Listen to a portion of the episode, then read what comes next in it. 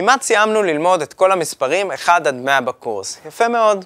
רק איך אנחנו אומרים את המספרים מ-11 עד 19 שעוד לא למדנו? די פשוט.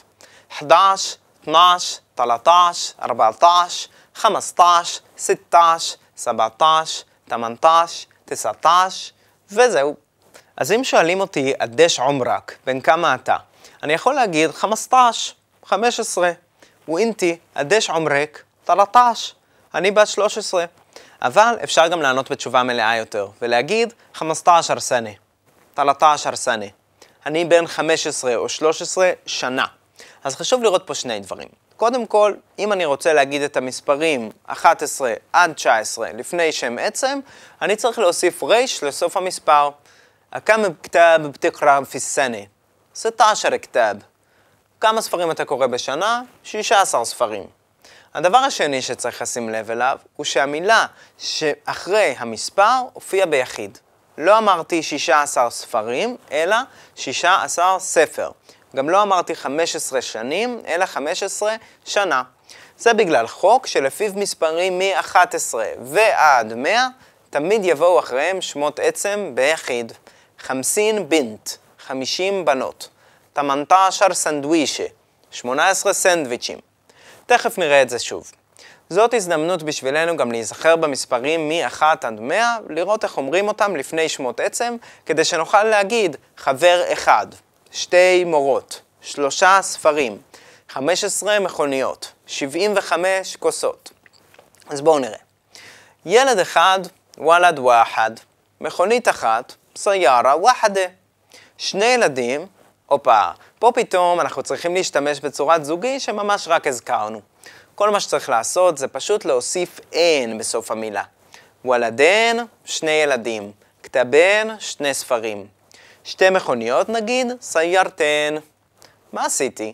לקחתי את המילה סיירה, שנגמרת ב-ה, ובגלל שהטאתי אותה, אז כמו שלמדנו ביחידה הקודמת, אני הופך את ה-ה לת', והפלתי את התנועה לפני. סיירה, סיירתן. איך אני אומר שתי כוסות? קסטן. זה ממש ממש מה שקורה בעברית, שנה, שנתיים, שפה, שפתיים. בואו נראה דוגמה.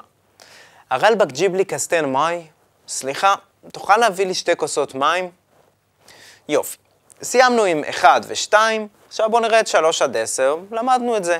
אומרים את הצורה הקצרה, ואז מילה ברבים.